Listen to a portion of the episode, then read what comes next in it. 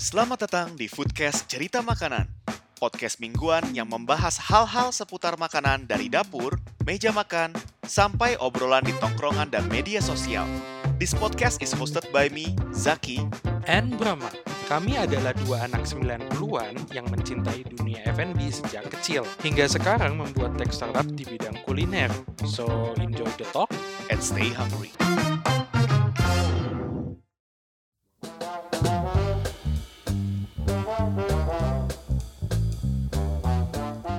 Terima kasih kepada teman-teman yang mendengarkan episode introduction dari Foodcast Cerita Makanan ini.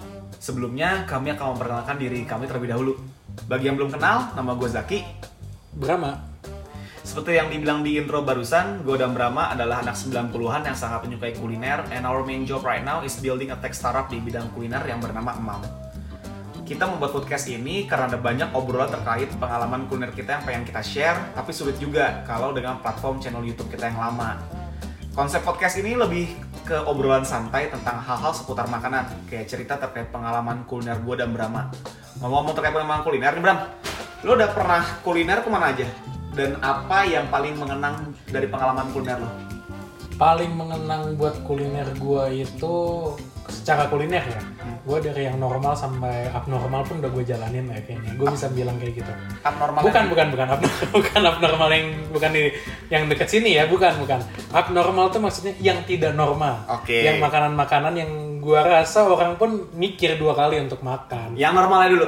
Yang Oh. normal lo udah pernah Oke. ke mana aja? kalau yang normal gua ke Aceh udah Oke. ke Padang udah Palembang belum Kalau kalau itu lo sebutin semua, nggak kelar nih podcast. Kita belajar geografi kita sekarang semua. Iya iya. Enggak tapi yang buat gue paling mengenang sih gue waktu ke Aceh sih. Oke. Jadi gue waktu lagi ke Aceh tuh sebenarnya nggak niat kulineran, Mhm. karena gue untuk melepas stres. Stres ibu kota Jawa Barat, Oke. kayak gitu. Nah, jadi waktu gue ke sana gue nggak expect sih gue makan mie Aceh. Tiba-tiba dia mengeluarkan telur kepiting. Sangat-sangat amazing buat gue.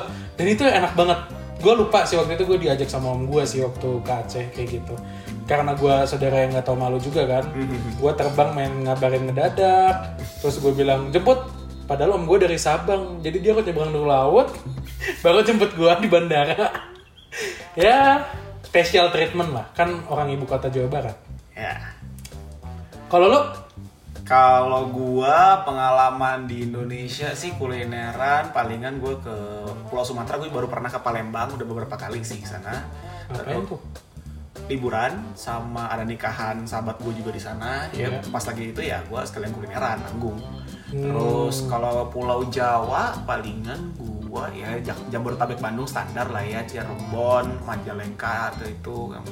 Apalagi ya kagak ke arah-arah sana Jogja Surabaya yang gue paling uh, ada pengalaman yang cukup panjang. Terus sama kalau Surabaya konteksnya itu gue bener-bener lagi pengen liburan ke Surabaya karena waktu itu lagi pas mau liburan 17 Agustus jadi mau ke kota pahlawan Oh, kata pahlawan. kota pahlawan saya Iya. mau ke Surabaya dan saya penasaran tuh pengen sama rujak cingur sama segala macam gue sampai nyari daftar listnya ada kayak di notes gue mungkin kalau misal gue cari itu ada kuliner riset ya? Oh iya, saya kuliner riset. Saya mencari kuliner paling enak di Surabaya, kuliner khas Surabaya. Nanti abis itu muncul resultnya ada banyak. Saya cari mana yang paling sering termention. Rujak cingur sering termention. Lalu saya cari rujak cingur paling enak di Surabaya. Itu zaman belum zaman IG ya?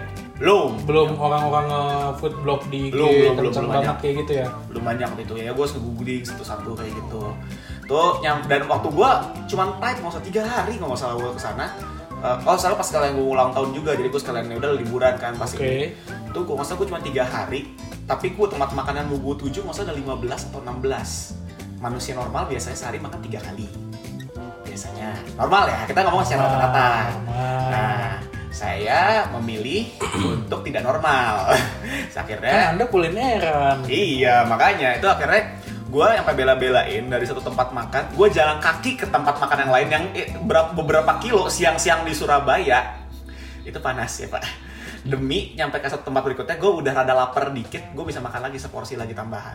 Ya itu segitu niatnya gue keliling-keliling makanan. Itu mirip juga yang gue lakuin kayak waktu gue di Ambon. Waktu gue pernah ada kerjaan di Ambon juga Eh, kan kalau acaranya dari pagi udah ada breakfast di hotel eh, makan siangnya juga dari hotel juga. Jadi after office hour gue keliling-keliling. Jadi gue habis sholat maghrib gue sampai pindah ke tiga tempat makanan. Ada makan nasi kuning ada makan apa aja ya gue lupa tuh. Ada makanan seafoodnya juga. Gue pertama kali nyoba papeda di Ambon bahkan.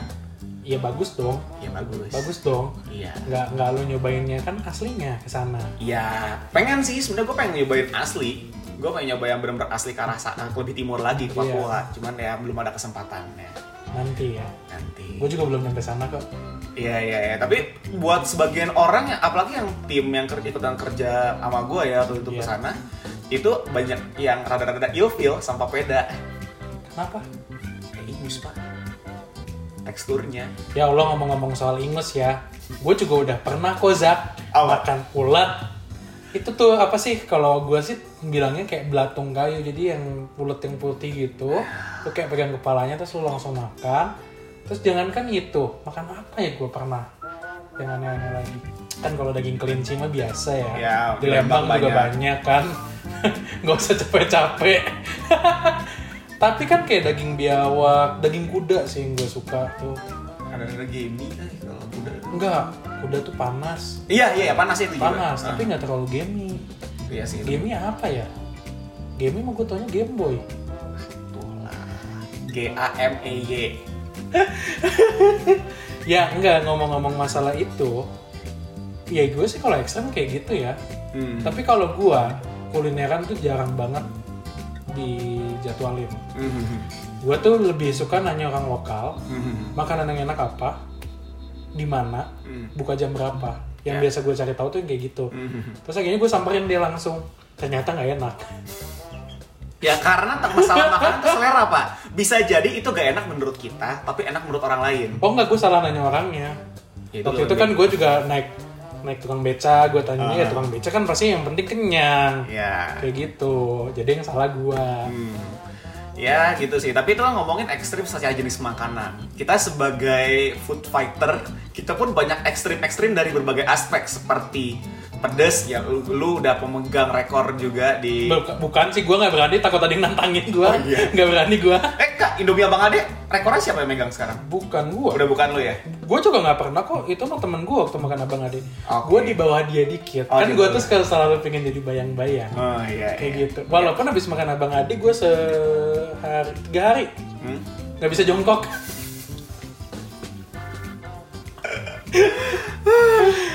Itu masalah masalah pedes-pedesan. Secara kuantitas, kita juga kalau yang masalah makan jumlah makannya ya kita sekali in one sitting makan satu setengah ekor ayam juga udah. Enggak, gue cuma satu kok.